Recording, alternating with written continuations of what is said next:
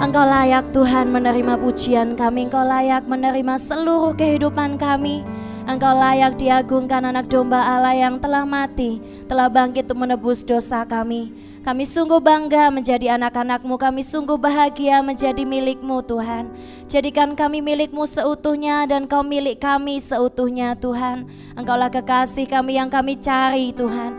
Pada pagi hari ini buka setiap hati kami, mata hati kami Tuhan untuk melihat kebenaranmu. Dan kami melakukan kebenaranmu. Ditinggikan engkau bertahta atas tempat ini, ditinggikan engkau atas hati kami, ditinggikan engkau atas segala pikiran kami Tuhan. Kami tundukkan pikiran dan perasaan kami di bawah kaki Kristus. Dan kami mau Tuhan, engkau yang membongkar kami, engkau yang memperbaiki kesalahan kami, engkau yang menegur, engkau yang mengasihi kami. Lakukanlah pada kami seperti yang kau mau Tuhan. Bukan apa yang kami kehendaki, tapi yang kau kehendaki.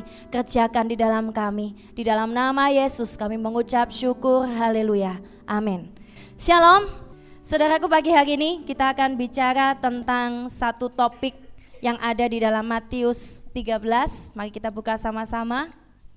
Matius pasal yang ke-13 ayat yang ke-45 sampai 46. Judul khotbah pada pagi hari ini adalah Berapakah nilai Yesus? Apa teman-teman? How much? Berapa nilai dari Yesus? Matius 13 ayat 45 sampai 46. Mari kita baca bersama-sama dengan suara keras 2 3. Demikian pula hal kerajaan surga itu seumpama seorang pedagang yang mencari mutiara yang indah. Setelah ditemukannya mutiara yang sangat berharga, ia pun pergi menjual seluruh miliknya, lalu Ayat ini tidak dicantumkan di Injil yang lain, saudaraku, bicara tentang mutiara. Kenapa Yesus dalam perumpamaannya dia bicara tentang mutiara? Saya mau tanya pada jemaat Tuhan, siapa di sini punya mutiara? Pakai mutiara? Ada? Liontinnya gitu ya. Siapa yang pernah lihat mutiara asli? Di mana? Harga mutiara berapa sih? Ayo, saya nggak panda, saya nggak tahu ya. Harga mutiara berapa? Jutaan? Puluhan juta? Nah, saudaraku pada waktu ini Yesus memberikan perumpamaan tentang mutiara. Pasti ada tujuan, pasti ada maksudnya. Ini akan kita pelajari hari ini saudaraku. Pada zaman dahulu mutiara tidak dibudidaya seperti sekarang, seperti teknik Jepang ya atau di Tokyo. Itu mutiara air tawar. Dulu nggak ada teknik seperti itu. Jadi uh, mereka kalau mau cari mutiara itu ada di Laut Persia, ada di Laut Merah, Teluk Persia atau di Laut Merah, dan di Laut Merah itu banyak sekali hiu. Sehingga pada waktu itu zaman dahulu, zaman Yesus tidak ada tabung oksigen. Ya kan? Mereka harus selam ke dalaman lautan, dia selam dan mencari sebuah mutiara.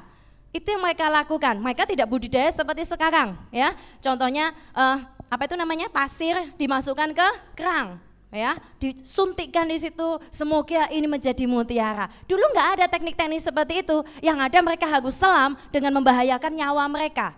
Kita harus tahu latar belakang dulu. Nah mutiara uh, pada waktu itu yang dicari adalah yang sempurna. Yang sempurna itu adalah ini katanya ya bulat sempurna mulus besar Wah, bisa bayangkan? Jangan bayangkan sak bakso ya. Ada nggak ya mutiara sak bakso gitu ya?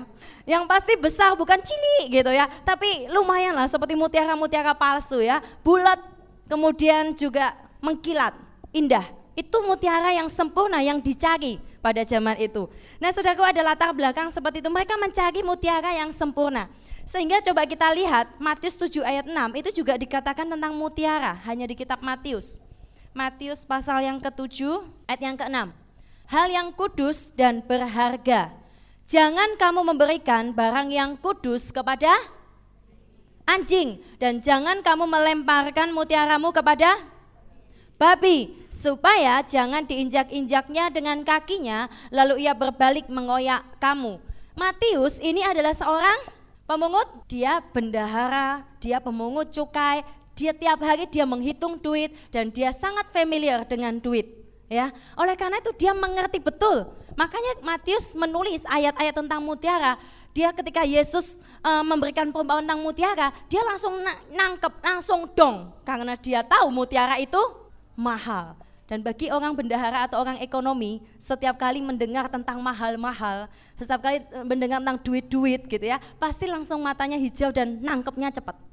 Itu ekonomi ya. Makanya si Matius ini saya heran, kenapa yang lainnya nggak tuliskan itu? Matius, dia tulis dua kali jangan. Waktu waktu itu mungkin Yesus sambil jalan dia bilang dia lihat babi, dia lihat anjing mungkin ya waktu di jalan jangan lempar mutiaramu ke situ ya, kamu akan. Tapi dia langsung nangkep. Yang lainnya mungkin ya biasa gitu ya. Oleh karena itu firman Tuhan ditulis dengan jelas, jangan buang barang kudusmu kepada anjing dan mutiaramu kepada babi. Nasi, kalian kalau tahu nasi yang besar, bulat, nggak ada nasi bulat, lonjong, mengkilat gitu ya, nasinya gede, kamu kasih ke babi, dia akan makan. Kalau kalian kasih mutiara, dia tidak akan mau makan Walaupun itu harganya sangat ratusan juta misalnya mutiara, dia tidak akan mau makan. Karena bagi dia itu tidak penting. Ini loh yang Tuhan mau katakan sama kita teman-teman. Buka telinga kalian baik-baik. Berapakah nilai Yesus bagi Anda? Apakah jangan-jangan kita ini seperti babi atau anjing? Di mana kita ketika kita dikasih barang yang berharga sama Tuhan, kita dikasih sesuatu yang berasal dari ilahi, sesuatu yang kudus, kita tidak tangkap itu, tapi kita menganggap bahwa ya ini biasa. Padahal kalau kalian tangkap mutiara itu, kalian bisa beli berapa karung beras bagi babi? Bertonton, bergudang-gudang bagi si babi. Dia bisa hidup enak-enak dan gemuk di gudang. Ya kan, enggak usah enggak usah cari apa-apa. Tapi dia nggak mengerti nilai dari sebuah mutiara. Saudaraku, apa sih yang dimaksudkan dengan mutiara di sini? Nah, mutiara di sini disebutkan sebagai barang kudus atau sesuatu yang sangat berharga, sesuatu yang ilahi, sesuatu yang rohani, di mana hanya manusia rohani yang dapat memahaminya. Kita buka 1 Korintus 2. Kita lihat 1 Korintus 2 ayat yang ke-14. Cepat aja saya bacakan. Dikatakan demikian, tetapi manusia duniawi tidak menerima apa yang berasal dari roh oleh karena itu baginya satu kebodohan dan dia tidak dapat memahaminya garis bawahi. Ia tidak dapat memahaminya sebab hal itu hanya dinilai secara rohani. Banyak sekali saudaraku yang menjadi gemas bagi saya secara roh juga dan jiwa saudara dan tubuh juga gitu ya gemesnya. Minta ampun kalau di antara jemaat anak-anak Tuhan saya tahu Tuhan sedang proses mereka Tuhan sedang kasih sesuatu visi buat mereka Tuhan kasih sesuatu yang ilahi yang besar buat mereka. Tapi mereka menganggap itu sebagai satu yang remeh sebagai sesuatu yang tidak perlu untuk dilakukan, tidak perlu dipertahankan, bahkan merasa bahwa gereja hanyalah kemarin kalau kita fellowship ya, pembapaan saya katakan kesalahan akhir zaman gereja-gereja akhir zaman. Mereka menganggap bahwa gereja sekedar anak-anak Tuhan ya, ini menganggap gereja sekedar tempat untuk mampir, bukan keluarga. Sehingga akhirnya banyak orang yang tidak pernah mau disentuh kehidupan pribadinya. Ketika saya bilang sama Foni, Fon, kamu lagi deket ya sama si Felix ya gitu ya. Wah C, jangan, jangan C, itu urusan pribadi saya. Jangan C. Ini yang terjadi. Kemudian ketika kita mau campuri, kita mau pulihkan orang itu, dia selalu bikin defense. No, no C, jangan sentuh, jangan sentuh. Aku akan tetap melayanan, aku akan tetap datang CMC, tapi jangan pernah sentuh kehidupan hati hatiku. Ini salah teman-teman, saya tegur dengan kasih ya. Apa salah gereja akhir zaman ini? Tuhan katakan gereja adalah kumpulan sahabat, kumpulan keluarga. Engkau terikat secara roh. Tapi ada orang-orang yang tidak sadar Tuhan punya tujuan ilahi yang besar di dalam keluarga itu. Tapi dia merasa aku tidak mau menerima ini. Hei, jangan-jangan kita ini seperti apa binatang tadi? Sebutkan yang keras, jangan-jangan kita seperti dan ya ya tatap temanmu Katakan jangan seperti babi ya, jangan seperti anjing ya. Tatap matanya jangan seperti anjing ya, Dek gitu ya. Ya Koko, ya Titi, ya Meme, jangan seperti anjing. Anjing itu enggak ngerti barang berharga, enggak tahu barang mahal. Saudaraku ini karena masalahnya ini hanya bisa dinilai secara rohani. Ini masalah yang gawat. Tapi masalahnya di dalam kerohanian kita nggak bisa lihat casing. Kalau suatu saat Tuhan kasih pilihan sama engkau, saudaraku, kadang pilihan itu menyesatkan saudaraku. Saya sudah cerita ya di pembapaan, si Spiderman Peter dikasih pilihan. Dokter berkata, kamu punya pilihan, pilih, kamu mau jadi Spiderman apa tidak. Kita punya pilihan, tapi saya mau tekankan sama teman-teman yang belum ikut pembapaan. Kadang dalam hidup kita, kita ndak usah punya pilihan. Karena kalau kita punya pilihan kita semakin bingung, betul? Ketika satu baju yang bagus ada di pasar yang jelek, kamu akan merasa dia yang terbagus. Kamu harus beli baju itu. Tapi kalau dia ada di mall di Sogo, maka engkau tidak melirik baju itu sama sekali. Betul nggak? Kalau banyak pilihan, terlalu banyak pilihan. Kalau cewek-cewek suka belanja kan sepatu gitu ya. Kadang kenapa kok di tempat-tempat misalnya di Carrefour ada obralan gitu, kalian beli. Tapi ketika di mall yang besar di Royal, kalian merasa itu biasa. Karena kalian terlihat melihat begitu banyak pilihan. Kadang pilihan itu tidak baik. Ketika kita punya pilihan, memang kita punya pilihan. Tapi saya mau ajarkan pada jemaat Tuhan di sini kita bilang gini, Tuhan, saya memang punya pilihan, tapi aku serahkan pilihanku ini kepada Tuhan. Tuhanlah yang harus pilihkan buat saya. Manusia rohani itu melihat sesuatu dari rohani ini masalahnya. Kita suka melihat sesuatu dari casing. Saudaraku, hanya manusia rohani yang bisa melihat berapa nilai mutiara ini. Kita lanjut ya, Amsal 3 ayat 13. Cowoknya tolong baca ya. Amsal 3 13 sampai 15. Yuk, 2 3.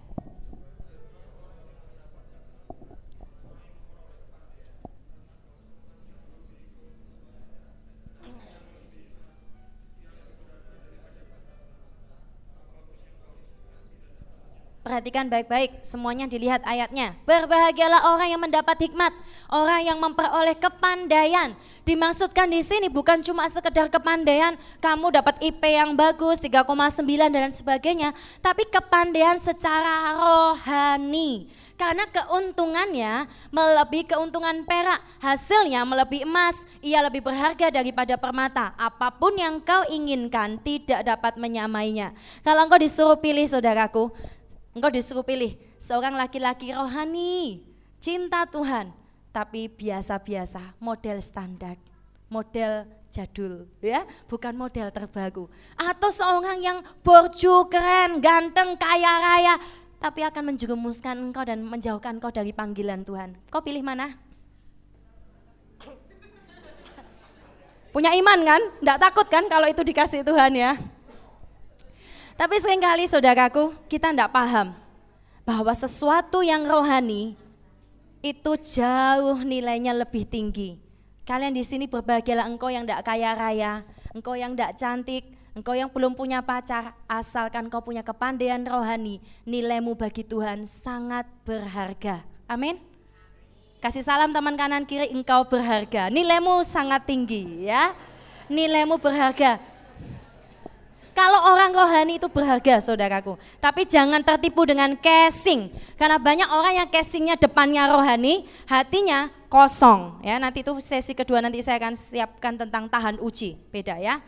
Kita lihat coba Ayub 28, bagaimana cara sekarang kita memperoleh yang namanya hikmat atau yang tadi dikatakan hikmat itu um, sesuatu yang bernilai sekali atau mutiara ya. Bagaimana cara kita memperolehnya? Ayub Ayub 28 ayat 13.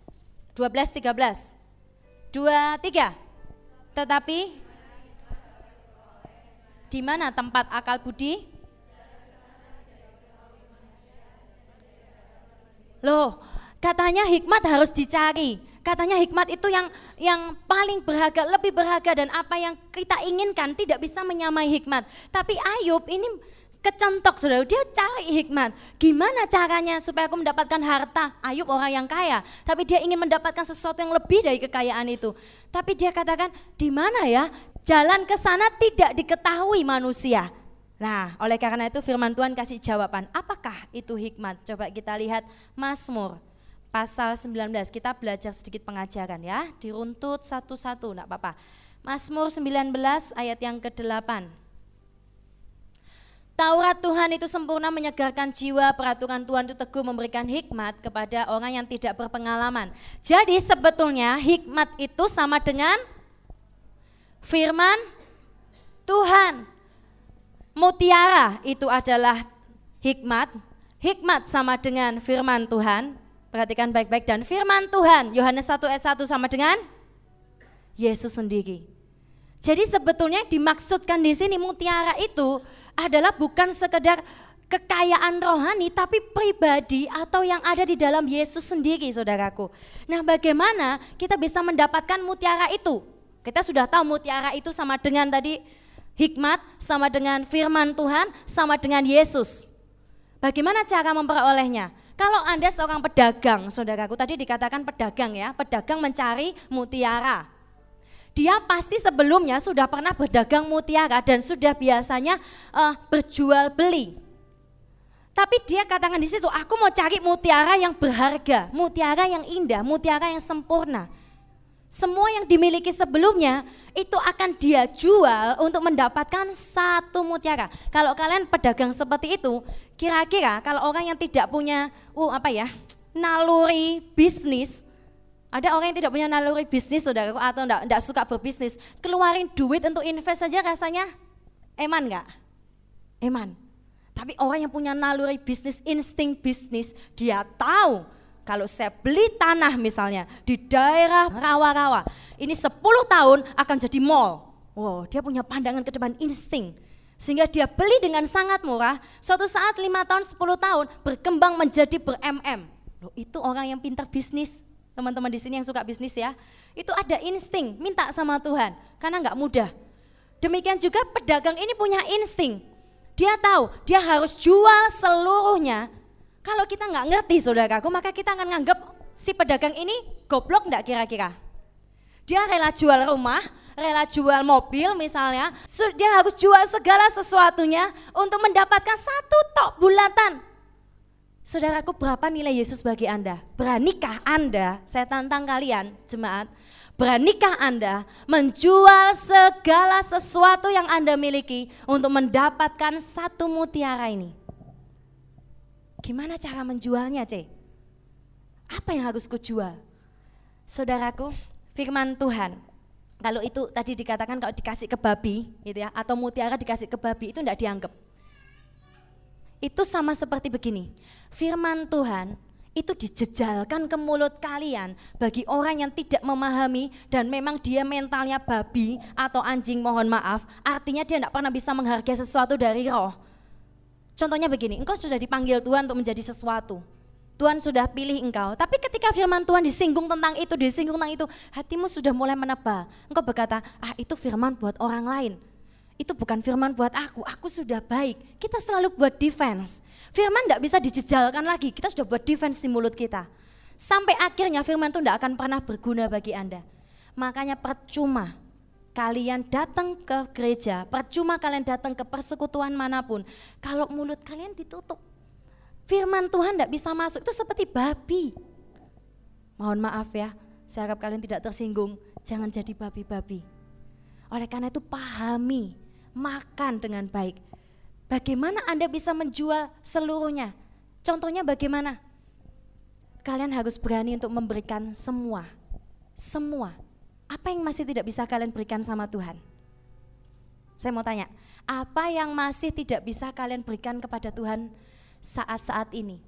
Berarti kalian belum menjual semuanya. Maksudnya menjual semuanya itu bukan berarti seperti uh, kisah yang pernah saya ceritakan ya, seorang anak kecil perempuan yang lihat ada seorang pengemis dan dia melihat ada seorang yang kaya lalu dia bilang gini, Pah, andai kan kekayaan orang itu menjual separuh saja dari mobilnya itu kekayaan dan dikasihkan pada orang melarat itu, pasti dunia akan lebih baik. Dan betul, anak usia 13 tahun cewek, dia berkata di depan orang tuanya dan orang tuanya pun tergerak, mereka menjual separuh dari hasil kekayaan seluruhnya diberikan kepada misi ke pedalaman-pedalaman orang-orang miskin, saudaraku.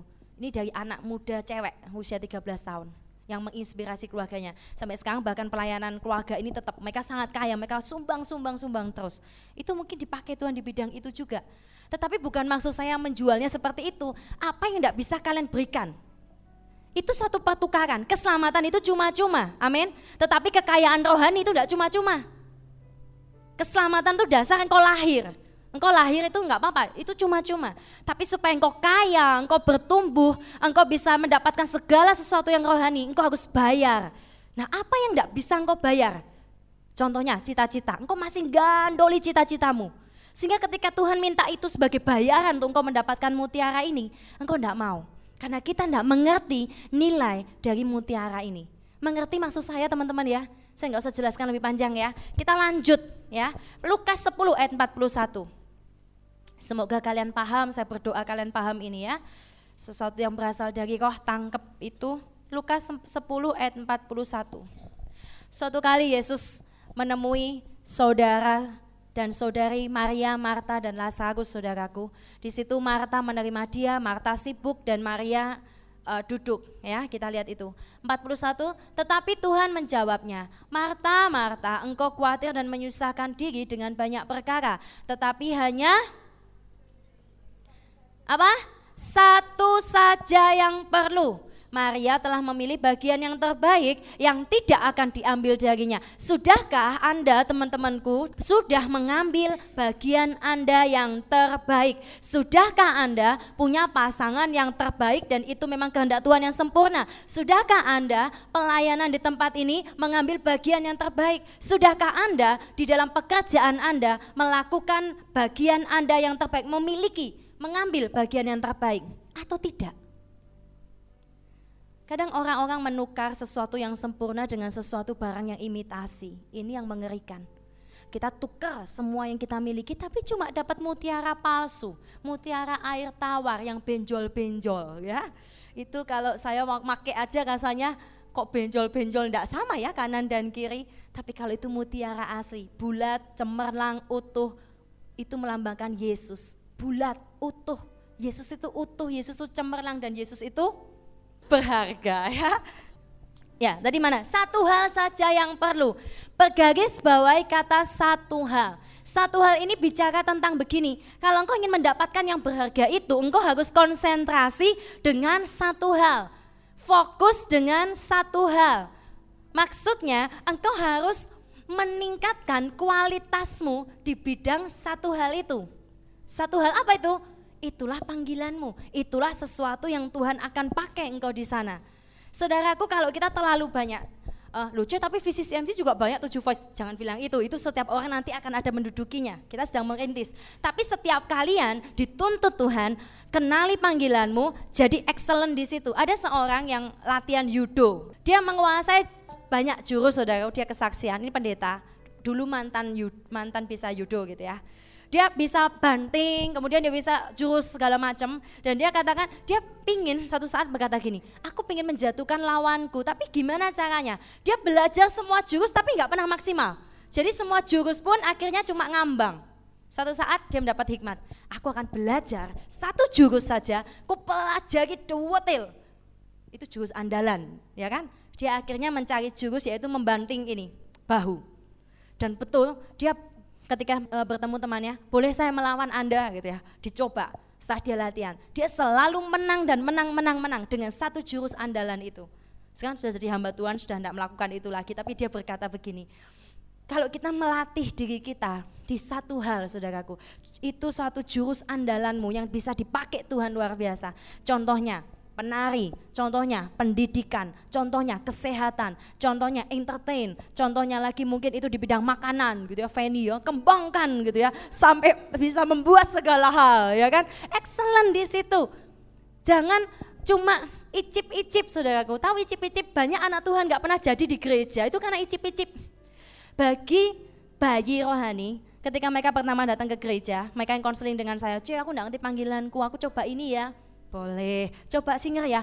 Boleh. Coba ini ya cek ke pelayanan rumah sakit? Boleh. Saya selalu izinkan. Tapi kalau sudah sampai anda di sini lima tahun, enam tahun, tujuh tahun gitu ya, tidak segera-segera melakukan excellent jurus andalan Anda, kalian cuma icip-icip sehingga suatu saat iblis sangat mudah sekali menggoda Anda dengan icip-icip dari dunia. Ya, kalau iblis tawarkan sesuatu dari lain, kalian akan cepat berubah haluan. Kalian kalian tidak temukan jurus andalan Anda. Sudahkah Anda menemukan jurus andalan Anda, teman-teman? Ada yang ngambang? Kalau masih ada yang ngambang, doa ya. Karena kita harus terkonsentrasi satu hal saja yang perlu untuk mengambil bagian yang terbaik. Kalau engkau cita-citanya menjadi seorang hakim dan itu memang dari Tuhan. Kenapa kok cita-cita itu berubah akhirnya engkau menjadi ibu rumah tangga biasa? Yang dulunya punya cita-cita, aku mau jadi hakim, penegak kebenaran dan keadilan. Aku akan membebaskan anak-anak CMC dari ketidakadilan, ya kan? Aku akan bebaskan anak-anak rusun yang nanti dididik oleh Kak Devi. Aku akan bebaskan mereka. Tapi setelah ketemu dengan dengan cowok yang charming, cowok yang cakep, impiannya bergeser. Impiannya sekarang, aku harus menjadi ibu yang baik. Saudaraku, tidak masalah saya suka anak-anak, saya suka menikah gitu ya. Tidak apa-apa, oh, saya suka menikah. saya tidak anti dengan yang namanya pernikahan. Tetapi bukan itu yang saya bicarakan. Yang saya bicarakan adalah jangan biarkan iblis mengubah fokus Anda Fokus ya, kualitas disingkatkan. Mutiara itu menuntut pengorbanan segalanya, saudaraku. Untuk dapat mutiara, menuntut pengorbanan segalanya. Coba kita lihat ya, ayat terakhir ya, uh, dua, dua ayat terakhir. Matius 19, Matius 19 ayat 21. Kata Yesus kepadanya, jikalau engkau hendak sempurna, Pergilah, jualah segala milikmu dan berikanlah itu kepada orang miskin, maka engkau akan beroleh harta di surga, kemudian datang kemari dan ikutlah aku. Saya mau tanya, anak muda ini orang yang baik enggak? Dia kira-kira punya punya masalah moral enggak? Coba dilihat ayat-ayatnya. Dia punya masalah moral? Dia pernah punya masalah dengan wanita pelacur? Dia pernah sebutkan di situ aku selalu jatuh dalam dosa? Enggak dia orang yang sudah melakukan Taurat Tuhan dengan sempurna, dengan sangat baik. Yang dimaksudkan begini saudaraku, Anda ingin sempurna, Anda ingin dapatkan mutiara itu, Anda ingin dapatkan segala kekayaan rohani secara maksimal dalam hidup Anda, ini harus Anda lakukan. Kalau Anda ingin sempurna, ini dikatakan sempurna ini bukan sempurna moral. Manusia di bumi tidak pernah bisa sempurna moral. Walaupun dia sudah rohnya sudah disempurnakan dan sebagainya, masih hidup di bumi, kadang bisa ngamuk. Betul nggak? Kalau digarai pasti kadang masih ada perasaan jengkel, menyimpan kesalahan, atau kadang gosipin gitu ya. Bahkan orang yang paling rohani menurut Anda di gereja ini bisa lakukan itu. ya Menggosipin, itu juga nggak berkenan. Walaupun mungkin bukan dosa, tapi kurang berkenan di mata Tuhan. Bukan yang dimaksudkan kesempurnaan di sini di ayat yang 21 itu bukan kesempurnaan moral, tapi kesempurnaan komitmen di dalam mengasihi Tuhan sepenuhnya. Pegang baik-baik, sempurna dikatakan di situ Yesus, jikalau kau ingin sempurna, sempurna di sini bukan kesempurnaan moral, tapi kesempurnaan apa? Komitmen dalam mengasihi Tuhan. Itu maksud dari ayat ini. Berarti kalau engkau ingin sempurna, Tuhan akan lihat komitmen Anda sempurna enggak di dalam Tuhan. Ada orang yang komitmennya enggak sempurna, banyak orang komitmennya komitmennya enggak sempurna. Gampang sekali dibelokkan arahnya. Banyak yang dulu cerita sama kita, C, aku punya cita-cita jadi trainer. Aku akan isi nanti voice of blessing. C, aku akan punya cita-cita seperti ini, ini, ini. Baik, kita dukung mereka dalam perkembangan. Tapi satu saat mereka beralih, ya jualan. Loh, enggak apa-apa jualan, tapi mana mimpi yang dari Tuhan itu? Sesuatu yang ilahi itu mana? Kalau kita cuma jualan, kita menikah, kita punya anak, kita kemudian uh, apa ya kerja hanya untuk mencukupi perut kita, hanya supaya kita kelihatan normal, maka kalian kehilangan sesuatu mutiara yang paling berharga. Setiap manusia itu pasti ingin membangun kerajaan pribadi. Saya tidak, tidak salahkan Anda. Anda ingin memikirkan tentang masa depan, Anda memikirkan bagaimana saya berpasangan, Anda memikirkan bagaimana biaya pernikahan, Anda memikirkan bagaimana supaya dekat dengan pasangan Anda, Anda memikirkan bagaimana merebut hati mertua Anda, Anda berpikir bagaimana supaya saya tampil lebih cantik, Anda berpikir bagaimana saya dapat pekerjaan yang terbaik. Tidak salah, tetapi yang saya persalahkan, yang saya masalahkan adalah fokus kita yang saya salahkan adalah arah tujuan hidup kita. Kau ingin menjadi normal, kerajaanmu kau bangun sendiri sehingga kita melupakan moto kita yang kedua. Moto kita yang kedua mengutamakan kepentingan umum di atas kepentingan pribadi boleh nggak? Boleh, tapi utamakan kepentingan umum, kepentingan kerajaan Allah. Eh, yang ketiga, moto yang ketiga saudaraku, Hati adalah kunci kebangunan, pikiran adalah kunci kemenangan. Ada orang yang kalah di dalam peperangan, itu karena pikiran saudaraku. Peperangan roh itu di pikiran Anda. Dan ketika Anda tidak bisa kuasai pikiran itu, pikiran itu seperti segi delapan. Kenapa saya bilang segi delapan? PR buat Anda, baca Filipi 4 ayat 7 sampai 8. Filipi 4 ayat 7. Pikiran itu segi delapan. Kalau segi delapan ini ada satu segi saja yang bolong, maka iblis akan masuk dan memerangi Anda. Ya, itu. E, ayat yang terakhir, itu PR ya. Ulangan 4 ayat 29 kita baca. Mari baca sama-sama, dua, tiga. Dan baru di sana engkau mencari Tuhan Allahmu dan menemukannya asal Bagaimana supaya kita bisa menemukan Tuhan? Bagaimana supaya kita bisa menemukan mutiara itu? Tadi kita harus jual atau kita berikan apa saja yang masih kita sembunyikan, yang di dalam hidup kita yang belum kita berikan, itu harus kita berikan, ya. Kemudian kita harus punya komitmen di dalam mengasihi Allah yang sepenuhnya itu arti sempurna, arti dari Matius 19:21 dan yang terakhir adalah mencari Tuhan, mencari mutiara itu, itu perlu dengan segenap hati dan jiwa. Kalau kalian doa saudaraku, kalau kalian doa, kalian bilang aku mencari Tuhan. Tapi mencari Tuhannya tidak dengan segenap hati, nggak dengan segenap kekuatan, cuma engkau duduk dan kau rasakan, kok rasanya nggak ada Tuhan ya? Ah sudahlah, nggak ada Tuhan. Itu bukan mencari. Mencari itu engkau mencari dengan sungguh-sungguh bergumul, bahkan kau sampai nangis, engkau menjerit dan berkata, Tuhan aku mau engkau, aku pingin engkau ada di sini, aku minta engkau. Itu mencari dengan sungguh-sungguh. Bukan sekedar kita datang rasanya kok nggak ada ya, rasa-rasanya kok Tuhan jauh ya sudah. Kalau engkau tidak cari Tuhan dengan sungguh-sungguh, maka mutiara itu tidak akan pernah engkau dapat. Perhatikan saya, kalau engkau tidak cari Tuhanmu sungguh-sungguh, engkau tidak akan dapat. Saudaraku, bentuk cinta yang tertinggi adalah bentuk cinta yang hening, saudaraku. Bagaimana sih maksudnya? Maksudnya, ketika engkau berdoa, kamu kebingungan enggak ngomong sama Tuhan? Ada orang ketika orang mengalami tingkat keintiman yang lebih saudaraku. Dia bahkan cuma duduk saling memandang mata dengan mata. Itu seolah-olah berbicara begitu banyak. Demikian juga dengan Yesus.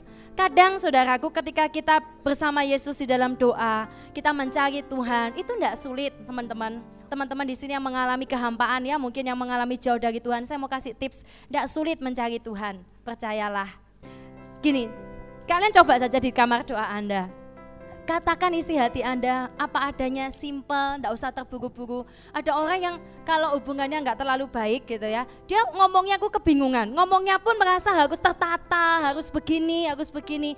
Enggak saudaraku. Sehingga ketika dalam hati saya, ketika saya berdoa sama Tuhan di kamar, saya mencari Tuhan.